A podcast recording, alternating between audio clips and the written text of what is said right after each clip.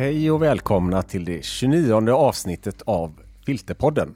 En eh, podcast där vi på magasinet Filter pratar om egna och andras avslöjanden och reportage. Och för första gången i vår historia är det inte Oskarsson Lindell som hälsar er välkomna utan det är jag istället, för Oskar är ledig. Eh, Mattias Göransson som är en av Filters två chefredaktörer och med mig idag har jag Kristoffer Friman som också är en av Filters två chefredaktörer. Eh, jag har ju varit med några gånger tidigare, men det var ett tag sedan nu. mm. Men nu är jag nere i Göteborg eh, och hänger här när vi håller på att slutföra filter nummer 80. Den berömda slutmanglingen som vi brukar kalla det för. Precis, den berömda slutmanglingen. Så då ska ju jag få pass då kunde jag passa på att vara med i podden också. Ja. Det är underbart och vi är tillbaka nu då efter förra veckans uppehåll när Mattias eh, bjöd ut sig till höger och vänster istället för att vara med i Filterpodden. Precis, jag var med i eh, Expressens podd som heter Lägg ut och en eh, podd som heter Spännande möten. Jag tjötade så jävla mycket att han gjorde två jävla avsnitt. Han gjorde två avsnitt såg jag. Ja. De var typ en och en halv timme eh, styck. Ja, det är gött när det inte finns några spärrar. Men det gör det här. Ja, Vi ska det- inte prata så länge. Men du, Kristoffer, du kan ju bara berätta lite vad du sitter och eh, redigerar nu under slutmanglingen. Vad är det vi håller på med? Ja, precis. Det blir ju ett, eh, det blir ju ett nummer.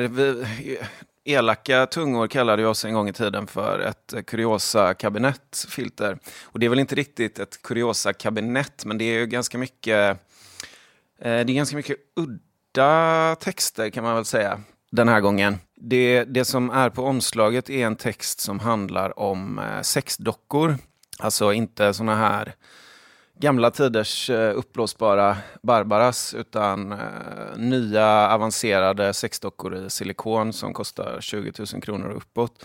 Och det handlar inte eh, specifikt just om dockorna utan eh, om det växande problemet med att de här dockorna dumpas i framförallt svenska skogar. För att det är, det är ju ett eh, det är ju ett stigma att ha en sån här docka såklart, men det är ju ett kanske ett ännu större stigma att, att gå med den till en återvinningscentral och eh, plocka isär den och lägga delarna på rätt plats och sådär. Så att folk eh, de dumpas helt enkelt i skogarna. Och det kan också leda till eh, problem för att ofta är det någon stackars joggare eller person som är ute och promenerar med hunden som hittar dem och blir ju vettskrämd då för de är så människolika så att man tror att det är ett, att det är ett lik som ligger och skräpar i skogen. Ja, det, och det var ju så det började för eh, skribenten Christian Down då. Inte att han hittade vad han trodde var ett Nej, han, hitt- han hittade en notis från en man som hade då hittat en sån här docka och eh, trodde det var ett kvinnolik och eh, larmade polisen. Precis, och det har ju varit ett eh, stort problem även utomlands. Jag såg eh, tyska medier har skrivit ganska mycket på sistone om ett antal sådana här larm som de har fått rycka ut på. I vissa fall har det kommit ett 30-tal poliser för att delta då, men sen har det bara visat sig vara liksom en, en silikondocka invirad i en madrass eller någonting. Så att det, det har eh, Christian Down använt som utgångspunkt då för att skriva en text som handlar om de här dockorna och om det här stigmat verkligen är befogat. Eh, som blev, eh, nej, den blev väldigt fin. Han är ju väldigt, eh, han är en väldigt duktig skribent och dessutom så tar han kanske inte alltid den lätta vägen. Det är ju väldigt lätt att eh, håna de här människorna, men det eh, undviker han. Så det, det är den ena texten, jag, eh, den har jag precis redigerat klart. Och sen så den andra då, lite udda texten, handlar om en ha hallucinogen rot som heter iboga, som kommer från Afrika. Och det är ju något vi har skrivit om vid ett antal tillfällen i Filter, så är det ju just eh, droger. Och det här är det här är en drog som ger ett otroligt eh, intensivt och ganska fruktansvärt rus som kan vara i upp till 48 timmar och dessutom i värsta fall leda till att, eh, att ens hjärta stannar, även om det är sällsynt. ja, det vill ju inte jag. Eller det låter, det låter dåligt. Ja, det, precis. Det låter dåligt, men samtidigt är det då eh, ett växande intresse för just den här eh, substansen. Och det har eh, lite att göra med, eller det har ganska mycket att göra med att den har under ganska lång tid använts som en alternativ behandling mot heroinmissbruk. Och då i takt med att forskningen på psykedeliska substanser har fått ett uppsving på sistone så har den blivit aningen mer intressant för forskningen då, fast samtidigt ändå inte just eftersom den betraktas som osäker. Men sen så finns det då även många människor som, gör, som tar den här under eh, ceremonier som ordnas runt om i Sverige också faktiskt. Det påminner om ayahuasca det påminner som du själv om, skrev om ja, för men år sedan. precis, Det är ganska snarlikt. Eh, det är människor som tror att det här eh, kan hjälpa dem med alla möjliga åkommor och problem. Fast jag skulle säga att Iboga är väl lite mer lite mindre den här eh, hitta sig själv-crowden och eh, mer folk som kanske har allvarligare problem. Eller så det, det handlar ofta om, eh, om ett missbruk som ligger i botten och sådär. När Simon då, som har skrivit, som är våran flitiga... Ja, otroligt flitiga praktikant. Den här terminen, eller våren, årstiden han, när han började prata om det här eh, för några månader sedan så klickade det till i min eh, kuriosa-kabinettshjärna. Eh, för jag kommer ihåg eh, faktiskt, ja men iboga, är det samma som ibogain? Mm. Eh, på engelska. Ja, sa han, ja men det, det är det visst. Eh, och när jag en gång i tiden var yngre så hade jag som många andra killar med journalistdrömmar hade jag Hunter S. Thompson som idol och kom ju förstås ihåg då att Eh, han spelade ett ganska speciellt spratt. Eh, han följde presidentvalskampanjen. Herregud, var det här 70? Ja, strunt samma, det var tidigt 70-tal. Han skrev en bok som hette Fear and Loathing on the Campaign Trail. Jag tror det är 72 faktiskt. Mm. Men där i ett reportage som han publicerade i Rolling Stone som låg till grund för boken sen. Det var det ju en av de här kandidaterna som hette Ed Muskie. Som var ganska, han var Hunter tyckte att han var fruktansvärt jävla urbota tråkig att det var helt outhärdligt att höra honom. Så för att få till något som var roligt eller intressant i eh, rapporten om Muskie så skrev han att eh, han hade hört ett rykte om att eh, Ed Muskie gick på ibogain som var en mystisk drog som kunde leda till det ena och det andra.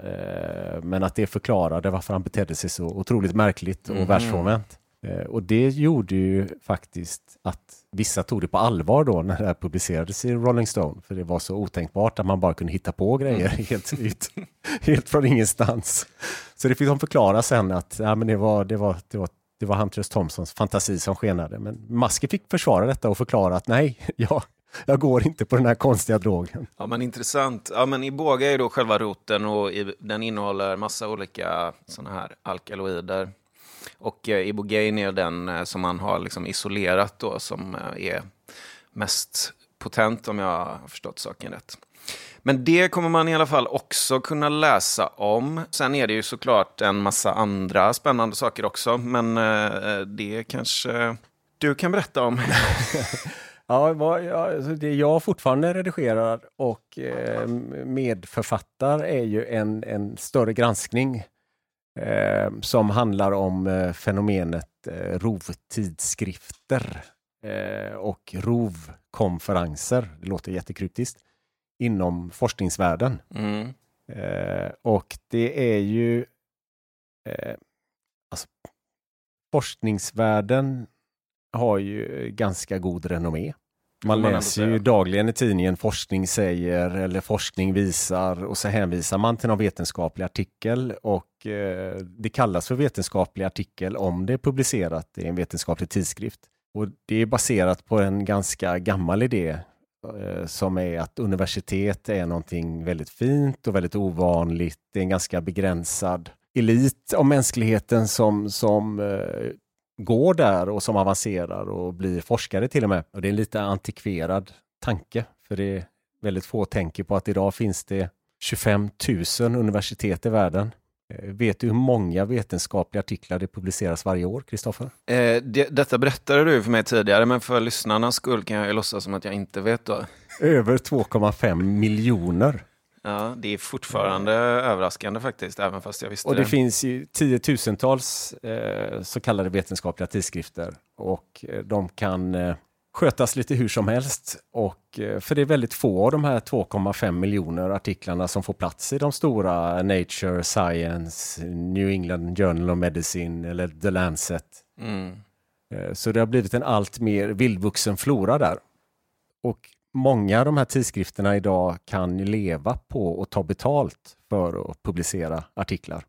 Och ha en påhittad styrelse, eh, påhittade reviewers. Och det kallar man för rovtidskrifter helt enkelt. Tidskrifter som lever på att publicera så kallat vetenskapliga alster och ger dem ett sken av vederhäftighet som inte riktigt är säkerställt. Vi har ju skrivit om det tidigare filter. Jag intervjuade själv Kjell Asplund i, eh, för två nummer sedan. Just det, och Hannes Kjöller som kom med en bok. På, Exakt, precis. Så det här är ju ett eh, ämne som vi är intresserade av, jag i alla fall. Och, men som också mm, även har någon slags växt, stigande stjärna på mediehimlen. Det är ju många andra tidningar som också börjar titta mer kritiskt på forskningsfusk eller vetenskap överhuvudtaget. mm. Alltså det pågår någon slags omställning tror jag. Eh, från den här gamla höviska idén att all forskning är per definition någonting fint till en mer nykter inställning som är att eh, man kan nog inte ta något för givet utan faktakoll ens i forskarvärlden helt enkelt. Nej. Så vi skriver om en, en eh, svensk business på svensk mark eh, som är intressant i det här sammanhanget. Jag ska inte säga mer om det, för det får man läsa om sen och kommer vi prata mer om i kommande poddar. Och så håller jag på med, eh, har redigerat klart en text som jag också har skrivit själv som handlar om forensisk vetenskap och forensisk eh, kriminalteknisk vetenskap och metodik helt enkelt. Rent dels i allmänhet men med fokus på då DNA-baserad släktforskning som har varit hett sedan i höstas. Ja, just det. På grund av det här dubbelmordet i Linköping. Ja, som, precis. Som löstes med hjälp av det för första gången som det användes i Sverige. Eh, Så jag har tagit det fallet och det kommer en ny bok i sommar om det fallet som jag har fått läsa i förväg och tagit till ursäkt för att skriva lite bredare om ämnet så att säga. Ja, jag tänkte på, apropå den här, jag har ju också läst den här texten och då påminns jag lite om någonting som du har gått och eh, tjatat är väl fel ord, men som du ändå har gått och mumlat tänkte jag säga, vilket låter ännu värre, men det är väl kanske det du har gjort ändå. Du har gått här och mumlat om eh, en text som du skrev för kanske ett år sedan som handlade om eh, Malinmordet. Ja, Och det känns ju som att det finns eh, vissa kopplingar mellan det här med, eh, inte nödvändigtvis bara DNA-forskningen, men hur, hur det fungerar, hur det forensiska polisarbetet fungerar och det som du tog upp i den där texten. Ja, men ja, ja, gott och mumlat är väl sant. Det, det, den texten var väldigt svår att släppa i alla fall, eller det ämnet var svårt att släppa. Kanske ännu mer för min eh, medförfattare eh, Hans Karlsson. Vi var ju två om hela, hela den researchen och, och den, det reportaget. Det var fruktansvärt svårt att släppa för dels var det väldigt frustrerande att skriva. För det var så mycket som inte gick att skriva på grund av olika pressetiska överväganden. Eh, men också på grund av alla förtroenden vi hade gett så många medverkande. Vi, vi höll på i eh, faktiskt mer än ett år med researchen, naturligtvis inte heltid. Och fick kontakt med väldigt många inblandade, både poliser på olika nivåer, men också olika människor som var en del av utredningen eller som kände olika personer. Och i och med att det var ändå, det är ett kallt fall, men Mm. det är ändå en pågående förundersökning och då råder förundersökningssekretess. Och då hade vi ändå fått material som vi inte skulle ha på vägar som inte var helt comme faut. Plus då att eh, väldigt många som pratade hade olika band eller positioner som eh, var känsliga eh, fortfarande. Som gjorde att nästan inga av dem vi pratade med, nästan ingenting som vi fick veta kunde vi citera eller Nej. härleda till källa eller berätta för de andra. Vi kunde träffa en person en dag som berättade om en annan person och när vi träffade den andra personen kunde vi inte berätta vad den andra personen hade sagt för då skulle den personen förstå att vi hade pratat med den Mm. andra. Så allt blev väldigt, väldigt, eh, väldigt många saker man visste som man inte kunde skriva. Plus då att eh, dels handlade ju texten om att en person som blev misstänkt och eh, mellan raderna anklagad för det här mordet då, som var en, en känd buse, en knarkande biltjuv i Göteborg, som polisen, eller utredningsledningen kom fram till var den som hade gjort det, men bevisningen höll inte. Han hade levt hela sitt liv med, som inofficiellt anklagad. Så utöver att berätta att han var det inte, han är oskyldig och hela utredningen var knasig och knäpp, för den hade hamnat, den döptes ju till låsningen för att man låste sig vid honom.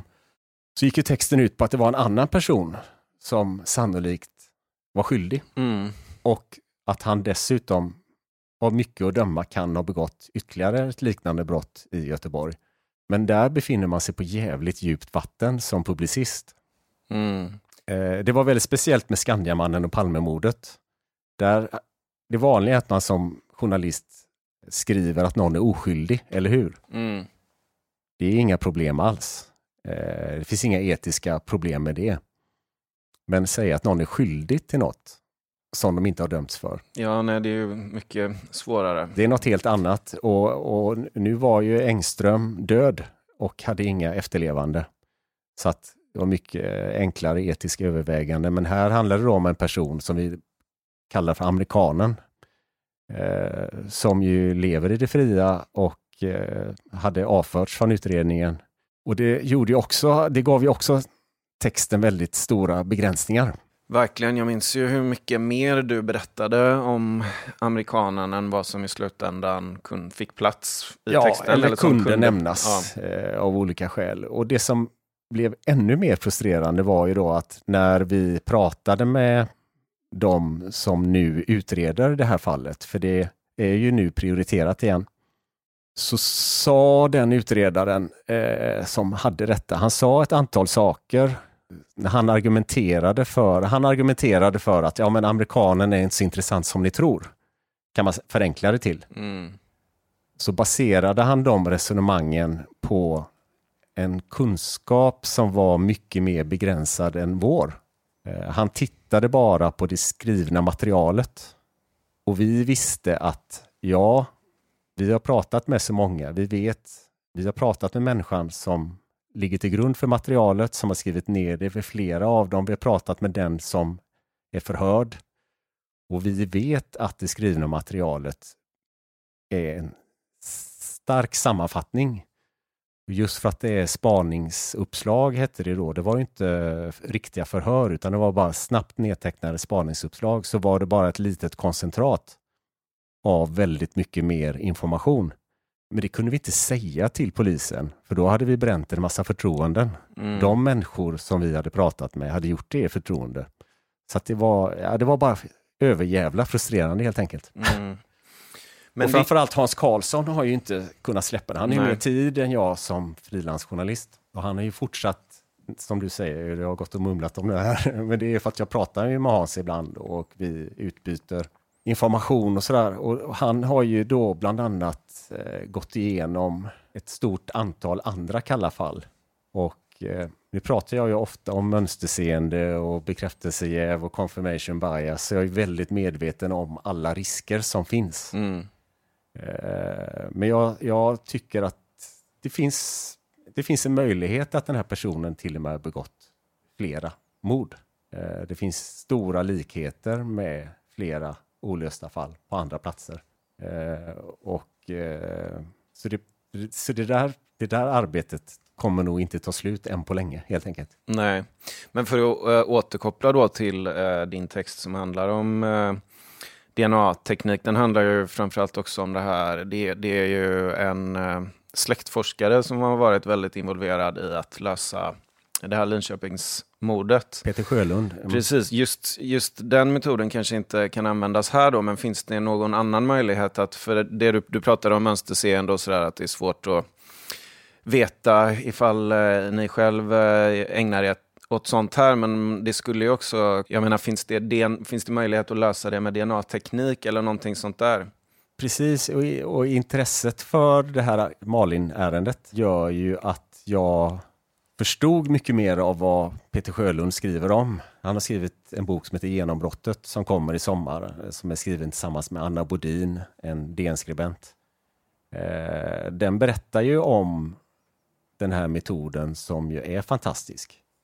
Eh, men den redovisar också för alla begränsningar. Mm. Eh, när Linköpingsfallet löstes så blev det lite halleluja-stämning. Det här är patentlösningen på Sveriges kalla fall. Mm. Eh, man pratar om, det finns 700 kalla fall, hur många kan lösas? Någon sa 150 och poliser runt hela landet uttalade sig och berättade om sina, ja men det här fallet, det kanske äntligen kan lösas och sådär. Men det är långt ifrån så enkelt. Eh, och, och i till exempel Malin-fallet så det finns så mycket begränsningar med DNA. DNA är fantastiskt om det finns. Mm.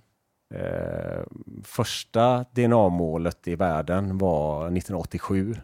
Eh, domen där föll 88. 89 började det sprida sig och början av 90-talet började man eh, samla in eh, saliv, sperma och blod från brottsplatser och behandla det på ett tillräckligt försiktigt sätt så att mm. det skulle kunna gå att utvinna DNA. Eh, men det, det dröjde rätt länge innan alla anpassade sig och Malinfallet är ett paradexempel på det. Man visste vad DNA-teknik var, men hur man måste bete sig hade ju inte satt sig, utan den brottsplatsen, där klampade sjukvårdare runt, spanare runt, kriminalpoliser runt, tekniker klampade runt. Och sen var det även tv-personligheter och andra som var tog i hennes grejer och höll upp i tv. Alltså det var... Just det, GV eh, klampade runt där också. Ja, precis. Och eh, när de nu har omanalyserat de här sakerna, vilket man måste göra för att utvinna nytt DNA, så hittar de alla möjliga där. Eh, så att det är så mycket, till att börja med måste ju brottslingen ha efterlämnat DNA. Det gör inte alla brottslingar. Nej. Till att börja, sen måste dessutom polisen ha behandlat materian på rätt sätt. Och sen är det så att de profiler som poliserna jobbar med har jobbat med sedan 80-talet. Det är bara så kallade identifierande markörer. Okay. Eh, alltså DNA är jävla massa information. Det är så mycket information att man fattar inte. Det är 3,2 miljarder baspar. Ja, det låter ju rätt mycket. Ja, och då är det så att då har, och, och det är sådana enorma datamängder att det är liksom Idag är det hanterbart för superdatorer, men den tidens datorer var det ju bara helt omöjligt. Eh, och då lärde man sig ganska snabbt att välja ut några få positioner i den här enorma informationsmängden som skilde sig extra mycket från individ till individ. Och då valde man ut bara dem. En DNA-profil är 15 markörer som består av baspar. Matchar dem i två prov. Hittar vi de här 15 markörerna i blod på brottsplatsen och så tar vi ett blodprov på person X och det är samma markörer, då är det samma människa. Det är väldigt lite information och det är den polisen har samlat in under alla år. Så när de har någons DNA-profil i sin databas så är det bara de 15 markörerna de har sparat. Det är skitlite, men det mm. räcker för att matcha.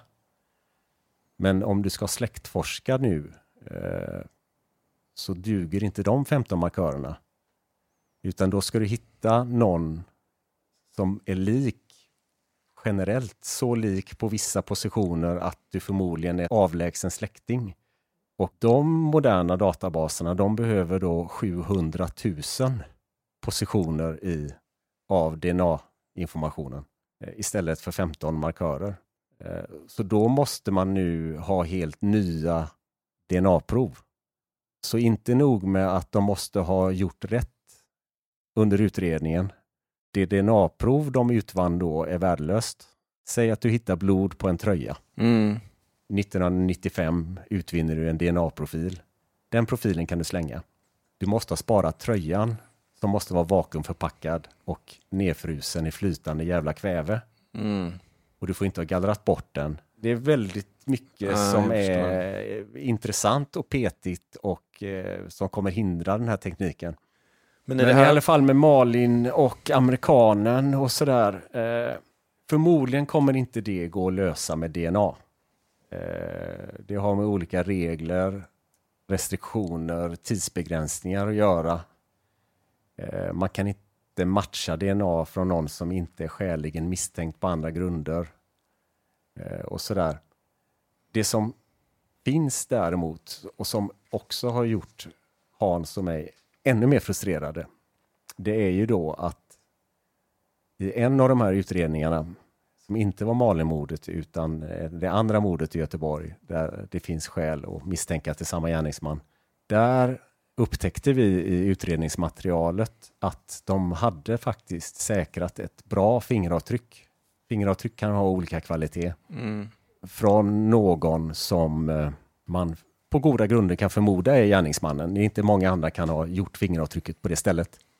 Eh, och det berättade vi för eh, förundersökningsledaren i Göteborg redan i fjol då att det finns ett fingeravtryck från den brottsplatsen.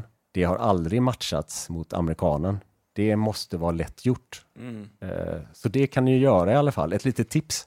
Och då blev han ju glad, för det visste inte han. Det är inte, det är, han ingen hade uppmärksammat honom på det, utan, och det är lätt hänt. Det är enorma informationsmängder. Så det noterade han eh, och man skulle göra det. Men det väntar fortfarande på att det, ja, det, det, har inte blivit av, Inget så vitt vi vet. Nej. Och det är också en begränsning. NFC har väldigt mycket att göra. Det är enorma väntetider, enorma köer. Andra fall är alltid mer prioriterade. Och sådär. Men eh, det där är sådär, ja men kan inte bara kolla fingeravtrycket? Man, du hör ju, man blir ju mm, galen. Mm, ja, ja, visst. Men eh, kan man förvänta sig eh, någonting eh, mer från Hans i tidningen Filter på det här temat framöver? Ja, ja alltså, som sagt, allt måste ju testas och kollas och mer fakta måste fram och eh, det kan vara blindspår. Eh, men om det inte är blindspår så är det ju inte en artikel, då är det en bok. Då är det en seriemördare som har missats på grund av ganska knasiga eh, felsteg av utredarna från början. Ja, det låter ju ändå rafflande. Mm. Mm. Potentiellt rafflande som Potentiellt sagt. Det, det, går inte att säga mer innan eh, mer fakta ligger på bordet. Och där krävs ju att, att eh, naturligtvis att inte bara journalister försöker utan att det tas på allvar av av rätt utredare, som sagt, att rätt person får det i händerna. Och fram tills dess så kommer du att mumla vidare? kommer jag att mumla vidare, ja, absolut. Vi har ju faktiskt eh, för första gången i Filterpoddens historia två sponsorer. Det går mm. så pass bra nu. Vi kanske ska ta eh, några meddelanden från dem? Det tycker jag vi gör. Båda på en gång, va? Eller båda på raken? Absolut. Dagens avsnitt görs i samarbete med Naturskyddsföreningen och deras kampanj Operation Rädda bina. Naturskyddsföreningen vill uppmärksamma situationen för våra vilda biarter som är på väg att försvinna. Bina är livsviktiga för vår matproduktion och hela ekosystemet, men hotas nu bland annat av matbrist, klimatförändringar och bekämpningsmedel. För att de livsviktiga bina inte ska försvinna behöver vi trycka på för en mer bivänlig politik. Naturskyddsföreningen jobbar hårt med denna förändring och uppmanar nu dig som lyssnare till att skriva under uppropet för att få våra politiker att agera. Gå in på Radda bina, det är alltså rädda bina fast man får ta bort at eller prickan över ät då. Så gå in på raddabina.nu och skriv under. Dagens avsnitt görs i samarbete med streamingtjänsten Simor och tv-serien Bloodlands. Bloodlands hade premiär på Simor den 15 april och är en brittisk dramathrillerserie som har gjort stor succé bland tittare och kritiker i hemlandet. Bloodlands tar sin början när polisen hittar en bil i havet utanför Belfast. Utredaren Tom Brannick, spelad av James Nesbitt, ser tydliga kopplingar till ett olöst fall med stor personlig betydelse för honom själv. Tillsammans med kollegan Niv återupptar Tom jakten på en ökänd mördare som har varit försvunnen i 20 år. Det är stjärnproducenten Jed Mercurio som har producerat Bloodlands. Han ligger även bakom serierna Bodyguard och Line of Duty. Och just Line of Duty finns faktiskt också på Simor. Och både Bodyguard och Line of Duty är ju kanonserier. Den som gillar spänning och oväntade vändningar får inte missa Bloodlands som nu finns att streama på Simor. Men nu, nu, eh, nu räcker det med mina hangups, Kristoffer. Du har ju också dina hangups, eller hur? Du har mumlat väldigt mycket om kryptovalutor på sistone.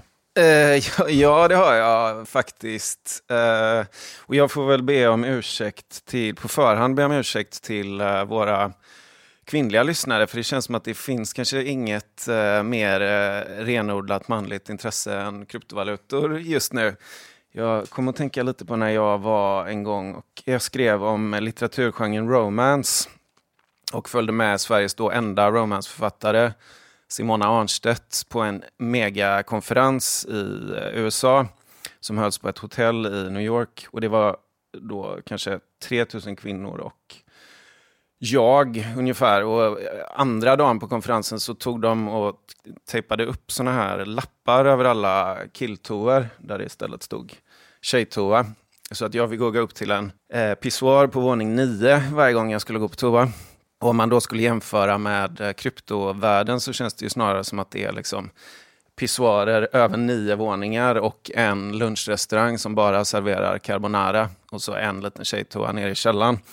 Men det kanske kan bli intressant ändå, jag vet inte. Ja. Jag har funderat på kryptovalutor för att jag för tre år sedan nu, tror jag, 2018 skrev om eh, en svensk kille som var typ 21 som hade varit med och startat en eh, sajt som hette Everypedia.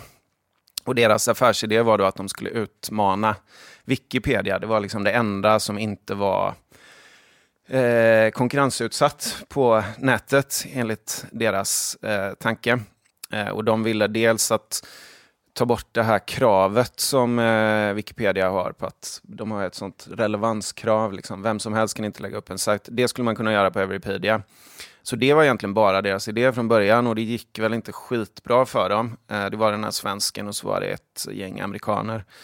Men sen eh, runt 2017 så kom de på att de då skulle eh, göra Everypedia och dessutom lägga den på blockkedjan då.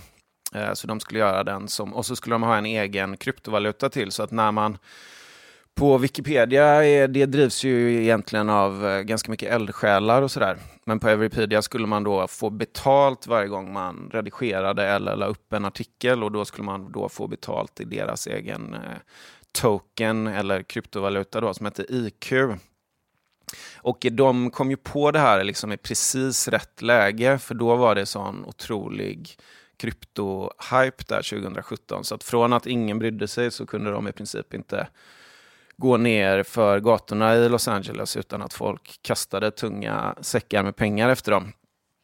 Eh, mycket, vad, vad, var det de drog in? Någon helt galen summa Ja, de fick 300 miljoner tror jag då i liksom för att inte tråka ut alla allt för mycket så ska man kanske inte gå in på liksom för många eh, detaljer, men de fick ju då, de, de skulle liksom eh, köra den här sajten via en plattform som heter EOS tror jag. Ja, men de, de fick liksom i, det var kryptoinvesteringar i alla fall de fick för att, för att dra igång det här.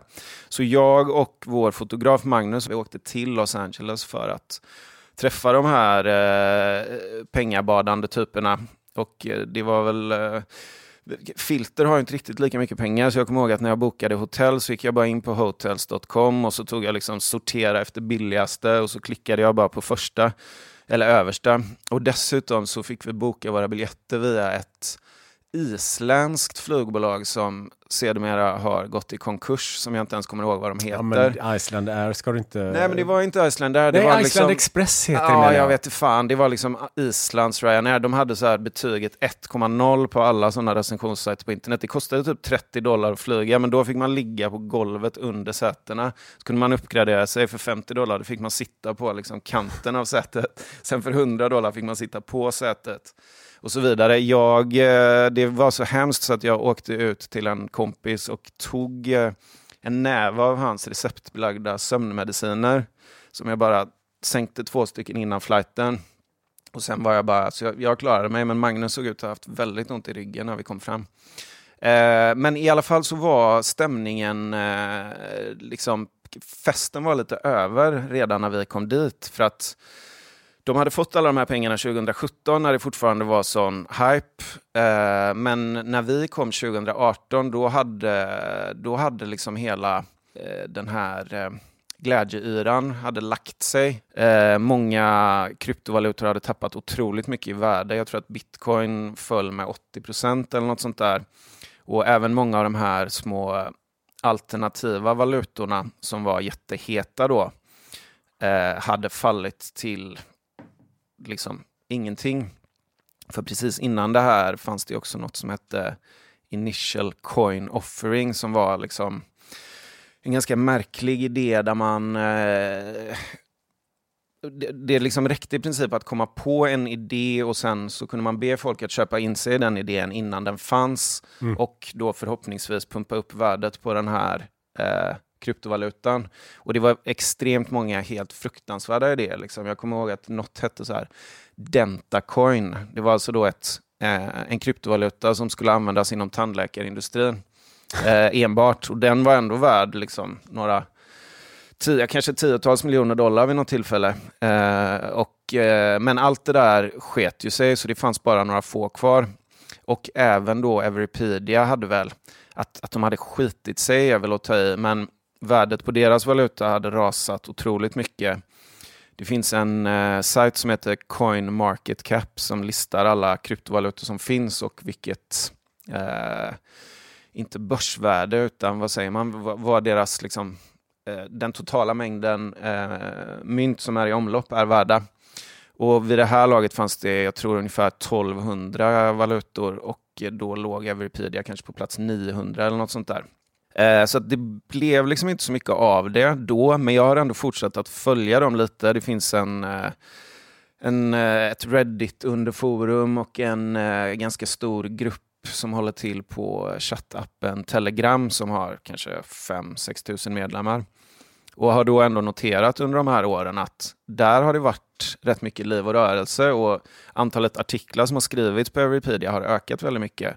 Och eh, snacket då på, på den här chattgrupperna och apparna har alltid handlat om att så här, ja men vi eh, nu har jag just skrivit den här eh, artikeln om den här personen, gå gärna in och, och säg vad ni tycker. Och, ja, det är alltså ändå ganska så upplyftande stämning. Det har liksom verkligen funnits ett community runt omkring.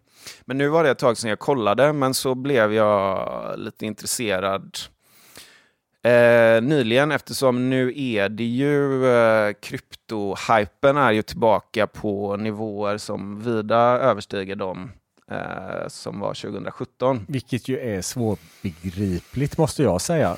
Ja, det, det kanske det är och det finns väl säkert flera förklaringar. Ja, men jag tänker främst på den här OneCoin, den här, eh, det, var det Bulgarian Queen of Crypto ja, och det, den här precis. svenska bluffmakaren och Ja, och det finns ju onekligen sådana. Där sitter ju folk inlåsta i ett väldigt tråkigt häkte eh, på Manhattan och väntar på att dömas till 380 års fängelse och är bara hudflängda idag. Och varf varför, är, varför bry sig om hela det här knasiga? Ja, alltså det handlar ju otroligt mycket om att uh, tjäna pengar.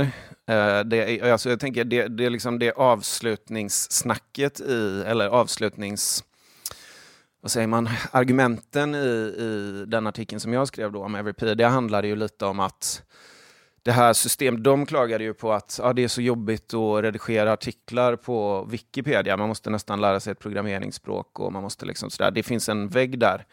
Eh, men sen visade det då sig att deras system var så svårt att inte ens de som liksom var anställda redaktörer på Everypedia riktigt kunde hantera det.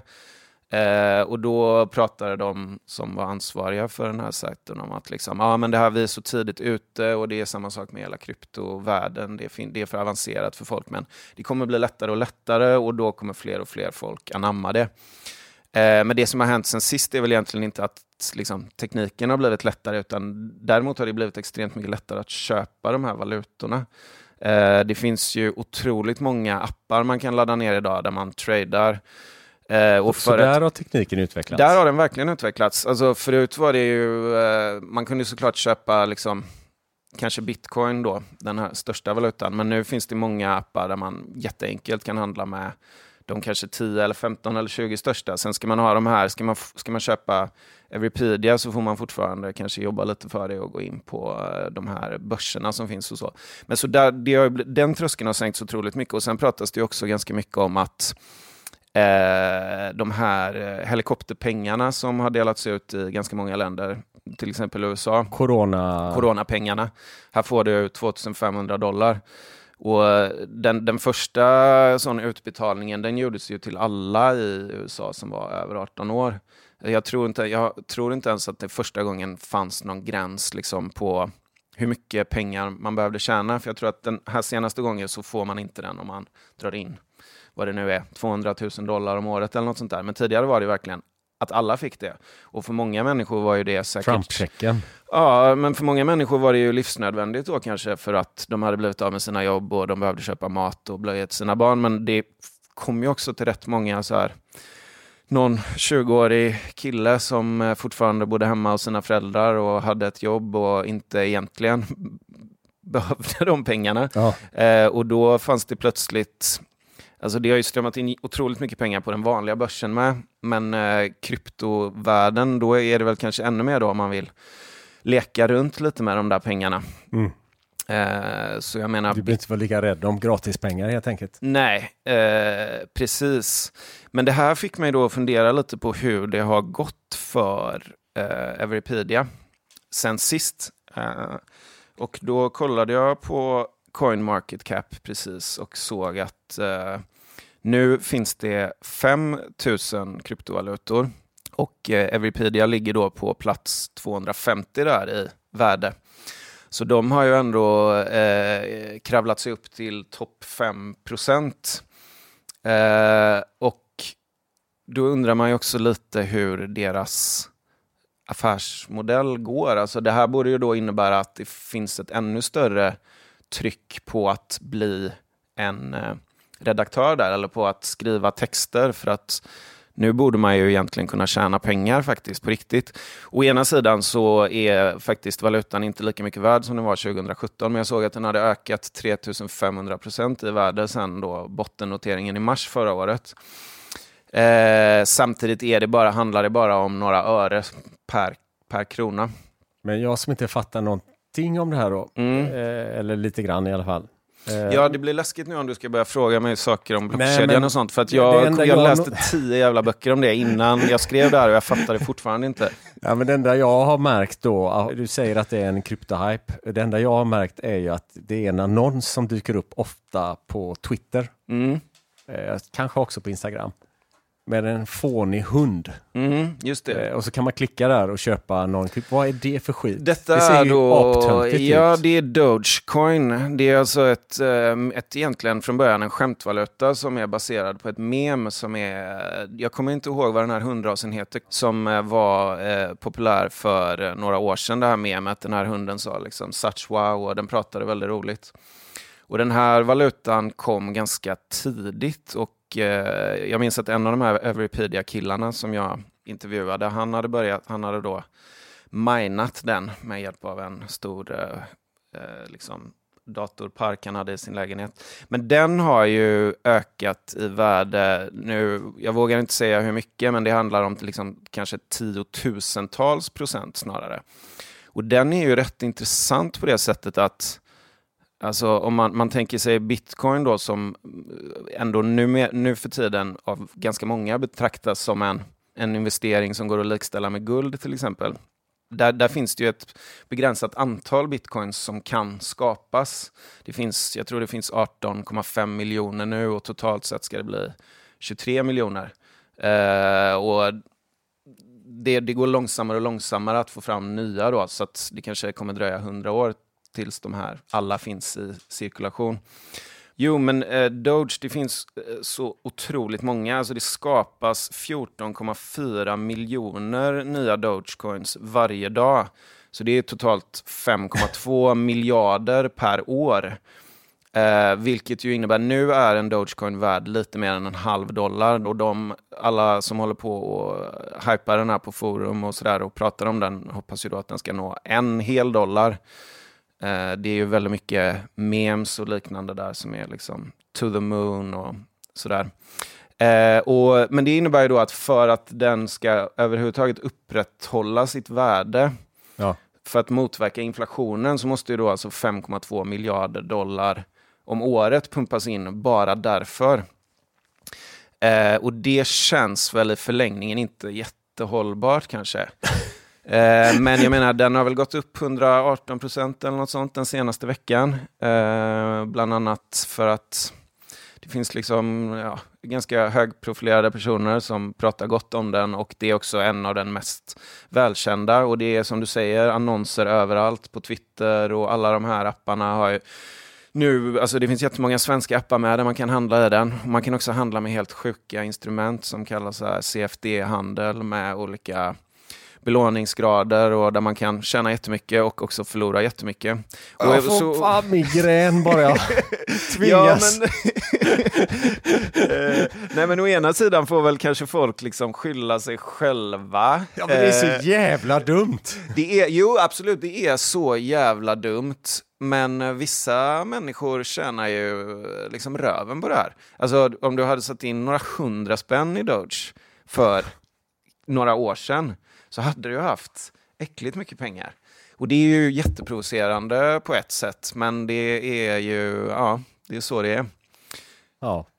Men det som då var intressant, apropå det här med Everpedia, var att deras eh, telegramgrupp och deras Reddit-forum och sådär nu för tiden, när jag tittade, i princip inte överhuvudtaget handlade om att skapa innehåll till sajten längre.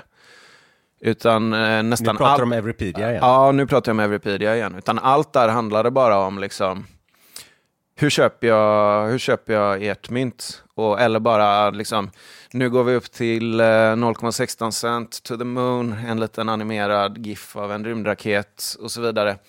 Så att samtidigt som det går bra för, för deras mynt så verkar det liksom kanske påverka deras långsiktiga affärsidé negativt. Jag Mm. vet inte. Ja. Eh, det finns väl säkerligen någon sensmoral i den här historien också. Men eh, den har jag inte riktigt. Ja, det är väl kanske då att man ska vara lite försiktig om man köper Doge. Ja, ja, ja. Herregud. Förbjud skiten säger jag bara. Så- hade vi sluppit prata om det. Nej, men jag orkar inte med, jag, jag orkar inte med mer krypto. Jag är ledsen Kristoffer. Nej, men det är skönt. Vi, vi släpper det för din och och våra eh, kvinnliga lyssnares skull. Så går vi vidare till någonting annat. Eh, nämligen fisk. Fisk, just det, ännu en filterfixering kan man säga. Vi har ju skrivit några, eller publicerat några ganska omfattande reportage om fiskindustrin eller utfiskningen av världshaven eller problemen med laxodling. Vi har skrivit om tjuvfiske. Ja, vi har helt enkelt varit nere med fiskerifrågan innan den blev mainstream. Även om det har varit kanske tre år mellan de här nedslagen då, så har vi ändå funnits så pass länge att det blivit några stycken. Och, men du noterade ju då att det eh, går en eh, eh, dokumentär på Netflix som tydligen är väldigt populär. Vad heter den? Den heter Fish...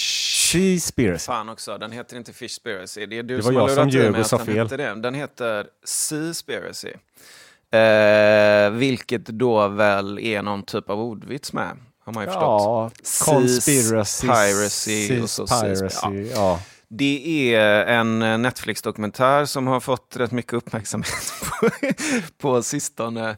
Eh, vilket ju i och för sig mycket som läggs upp där får. Men den handlar om en ganska irriterande kille.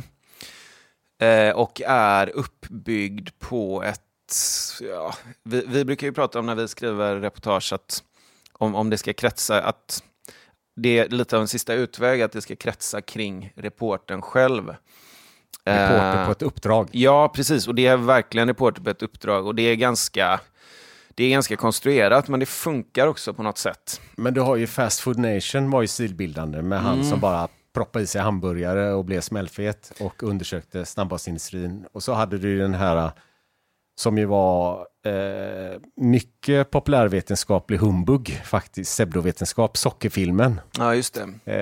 Eh, men var uppbyggd på samma sätt, proppa i sig Ja, socker. men precis. Det och hela den här Super Size Me och allting. Ja, men det är väl en klassiker i, i genren. Men det här handlar om en kille som är... Just det, eh, jag sa fel. Super Size Me heter den. Fast Food Nation är ju en bra bok. Ja, men den finns också som dokumentär faktiskt. Fast Ja, ja, men där är är, ett annat berättargrepp tror jag. Ja.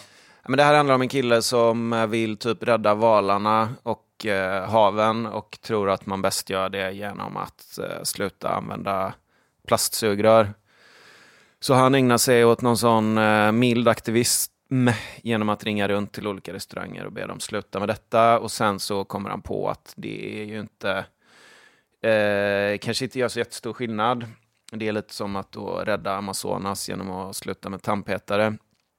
Så han eh, gräver sig djupare och djupare ner i det här hålet och kommer väl i slutändan i princip fram till att eh, ja, det enda sättet att rädda världshaven är väl typ att sluta äta fisk. För att det är Eller den, rädda fiskarna framförallt. ja, det är den globala fiskeindustrin som eh, förstör så otroligt mycket. Och eh, den är ändå ganska intressant får man väl säga och den tangerar ju verkligen eh, de här ämnena som vi har skrivit om. Alltså det är ju en slags snabbspolning igenom de här sakerna. Så vi la ju upp på vår eh, lilla blogg, eller vad man ska säga, Filterbubblan. Eh, där har vi lagt upp en liten text och låst upp också några av våra eh, reportage om det här. Som väl alla egentligen har varit rätt uppskattade hos läsarna. De är, eh, så att om man är en nytillkommen prenumerant eller bara känner att man gillade den här dokumentären och skulle vilja veta lite mer så tycker jag att man kan gå in där och läsa dem. Men något, något som jag tycker är intressant som väl vi inte har varit inne på jättemycket, eller vi har snuddat för det i våra texter med, det är just det här hur, hur svårt det är att liksom göra rätt. Kan man göra rätt? Kan man lita på alla de här industrimärkningarna som finns med tanke på att de ofta är liksom det, de är inte särskilt fristående, utan de, det är ofta industrin som själva ligger bakom dem. Eh, det, och det känns extra svårt inom eh, vad, vad gäller fisk och så, eftersom det, att det där är, det är liksom så svårt att hålla koll på. Det är så otroligt många båtar som är ute. Det är så oreglerat. Liksom. Jag har ju själv fastnat i ett litet fiskrelaterat kaninhål som inte jag riktigt vet vad det kommer leda till. Okej. Jag har ju fattat så pass mycket att man kan eh, välja olika, olika sorters fisk, köpa olika sorters fisk och försöka vara noggrann. Och då finns det ett eh, märke som jag inte ska göra någon reklam för egentligen kanske, men det finns ett märke som eh, importerar eh, fisk direkt från Island eh, och som jag i alla fall bedömer är vettigt. Om, om de går in som sponsorer framöver så kan du nämna vad de heter. Vi bara nej, skickar nej, men de, de, de, de verkar vettigt och det, det är också då rätt dyr fisk. Eh, och, eh, men vi äter då, får jag säga, då får jag dåligt samvete när du har sagt det här, man får sluta äta fisk. Men vi äter ganska mycket mer fisk än vad vi gjorde förut. Hur kommer det sig då? Det är för att eh, sladdisen eh, har fått för sig att det är synd om eh, djur som har rött blod eh, och ben och lever på land. Just det. Så hon har slutat äta kött helt Jag enkelt. visste att den dagen skulle komma. Du var så otroligt nöjd över hur mycket kött hon åt. Du Ja, skröt hon- så himla mycket över vilka, hur många biffar hon kunde sätta i sig. Jag tänkte bara snart, snart Mattias. Ja, men det, ja, men, ja, det är en eh, väldigt eh, matglad... Eh, ofta har ju föräldrar det här problemet att barn är väldigt petiga med vad de stoppar i sig. Mm. Och det, våran eh, underbara sladdis åt ju från början precis vad som helst. Eh, kryddor, oliver, eh, färska grönsaker, bara mölar i sig allt. Och hon älskade mina grillade biffar, det har du helt rätt i. Jag kan ha skrutit om det. Eh, men så, så, så det är liksom inget stort problem, hon har slutat äta dem. Men du får sätta något sånt föräldralås på Netflix så att hon inte kan se Seaspiracy för då Ja. blir det bara tofu för dig sen i resten av livet. Ja. Ja, jag får väl överväga det. Men i alla fall då så äter vi mycket mer fisk. Mm. Eh, Och favoriträtten där är när jag panerar rödspätta som en god köpenhamnare. Eh, Fast jag har panko-panering, grov japansk härlig panering och, eh, och så är det de här isländska ganska stora härliga rödspätterna. Det är en stor rödspätta, i, i, den täcker en hel stekpanna helt enkelt. Så det är lite jobbigt att göra det. Man får liksom steka en i taget och hålla dem på värmning i ugnen och så tar det 25 minuter att göra och så får man ta ut dem liksom. Så därför så har jag också helgarderat med att köpa sådana här billiga slaskpåsar. Icas panerade rödspätta. En, en liten blå påse med, det står 6 till 9 stycken och så är det 600 gram. Så det har jag som backup i frysen. Och så tar man fram dem istället när man inte orkar eller är för snål för att köpa den eh, mer samvetsgranna fisken. Mm. Och första gången jag drog fram en av de här så var det bara, "Äh, det är ju inte 6 till 9, det är, det är 12 i den här påsen. Eh, och de är sketsmå. Eh, det var skitjobbigt. De flesta gick inte att steka utan jag fick lägga undan hälften och tänka de kan möla ner i en fiskgratäng. Eh, och så kunde man steka sex av dem Mm. som var tillräckligt stora. Trots det så gjorde jag detta en gång till. Jag köpte en till sån påse. Mm. För jag tänkte, jag hade väl otur förra gången. Men då var det 12 i den också. Och då vaknade ju bara irriterade rättshaveristen inom mig, så jag vägde de minsta. Eh, och det minsta vägde 32 gram. Alltså det är ju vad en falukorvsskiva väger. Ja. Alltså det är ju ingenting. Eh, och jag mätte den, den var 8 centimeter. Alltså det är ju ett rödspettefoster mer eller mindre. Eh, och då tänkte jag, vad fan, är det här ens lagligt? Så jag började så här, googla fångstregler. Hur, hur, hur små får rödspätte vara? 17 centimeter. Är minimi Det är minimi. längden. Eh, Man får inte fiska mindre än så för då, eh, då, alltså då är näten felkonstruerade och det är, ja, men det är rödspättebebisar helt enkelt. I, I sjön med er igen. Ja. Eh, Och ingen i någon av de här säckarna var det måttet. Och väldigt många var ju som sagt otroligt långt ifrån. Men då är det där du sa, vad, vad gör man? Vad är, vad är lagligt? Vad är liksom, det här är ICA. Eh, hör man av sig till Allmänna reklamationsnämnden, säger att det är falsk marknadsföring när det står borde 69 stå- eller Eller att det borde stå rödspättebarn på förpackningen i sådana fall. Eller hör man av sig till, till eh, Fisk och vatten, Hav och vattenmyndigheten och säger eh, brott mot fångstreglerna. Men så tittar man då, nej men okej det var inte Sverige, de här var paketerade i Nederländerna. Har de andra regler eller är det EU-regler? Man- blir bara helt matt på sig själv. Men jag, jag tänker fortsätta köpa de här och jag tänker fortsätta mäta och väga dem. Eh, och eh, alltså är det så att alla... Bara för att föra in i något Excel-ark Nej, ja, ja, men jag vet inte. Alltså, jag, är samtidigt väldigt, jag är samtidigt väldigt fascinerad för det är så otroligt märkligt. Liksom. Ja. Eftersom de säljs så verkar ju folk acceptera det. Men vi har också pratat ofta om det här med statistiska samband och slumpen och jag kan ha haft extrem otur. Jag kan ha hittat de två sämsta påsarna i Sverige av en slump. Så därför måste jag fortsätta innan jag vet hur stort problemet är. Du, du tycker de är skitgoda, bara erkänn. Nej, nej, nej. Alltså, jag ju fortfarande spar, jag fick ju spara hälften av den Ja, andra ja, fisken med den andra påsen med i frysen för att kanske möla ner en fiskgratäng. Men, men i och för sig, ni som lyssnar på det här, vet ni vilken förpackning jag pratar om? Så kan inte ni också köpa, eller om ni redan har en, hur många är det i? Hur stora är de? Vad väger de? Kan ni mejla mig så får jag ju bättre statistiskt underlag. Ja, verkligen, där har du kanske eh, upptakten till uh, Seaspiracy 2 också. Nej, nej, jag vet inte vad jag ska göra av det här. Men jag bara, bara, ja, det, jag har bara hamnat i någon eh, rättshaveristisk kaninhål tror jag. Ja, men jag gillar det ändå. Det var väl allt från oss den här gången. Nej, vi har ju två sponsorer som vi inte får glömma bort. Självklart. Och som vi är så glada över. Så vi kör dem igen. Dagens avsnitt görs i samarbete med Naturskyddsföreningen och deras kampanj Operation Rädda bina. Naturskyddsföreningen vill uppmärksamma situationen för våra vilda biarter som är på väg att försvinna. Bina är livsviktiga för vår matproduktion och hela ekosystemet men hotas nu bland annat av matbrist, klimatförändringar och bekämpningsmedel. För att de livsviktiga bina inte ska försvinna behöver vi trycka på för en mer bivänlig politik. Naturskyddsföreningen jobbar hårt med denna förändring och uppmanar nu dig som lyssnare till att skriva under uppropet för att få våra politiker att agera. Gå in på Radda bina, det är alltså rädda bina fast man får ta bort at eller prickan över ät då. Så gå in på raddabina.nu och skriv under. Dagens avsnitt görs i samarbete med streamingtjänsten C More och tv-serien Bloodlands. Bloodlands hade premiär på C More den 15 april och är en brittisk dramathrillerserie som har gjort stor succé bland tittare och kritiker i hemlandet. Bloodlands tar sin början när polisen hittar en bil i havet utanför Belfast. Utredaren Tom Brannick, spelad av James Nesbitt, ser tydliga kopplingar till ett olöst fall med stor personlig betydelse för honom själv. Tillsammans med kollegan Niv återupptar Tom jakten på en ökänd mördare som har varit försvunnen i 20 år. Det är stjärnproducenten Jed Mercurio som har producerat Bloodlands.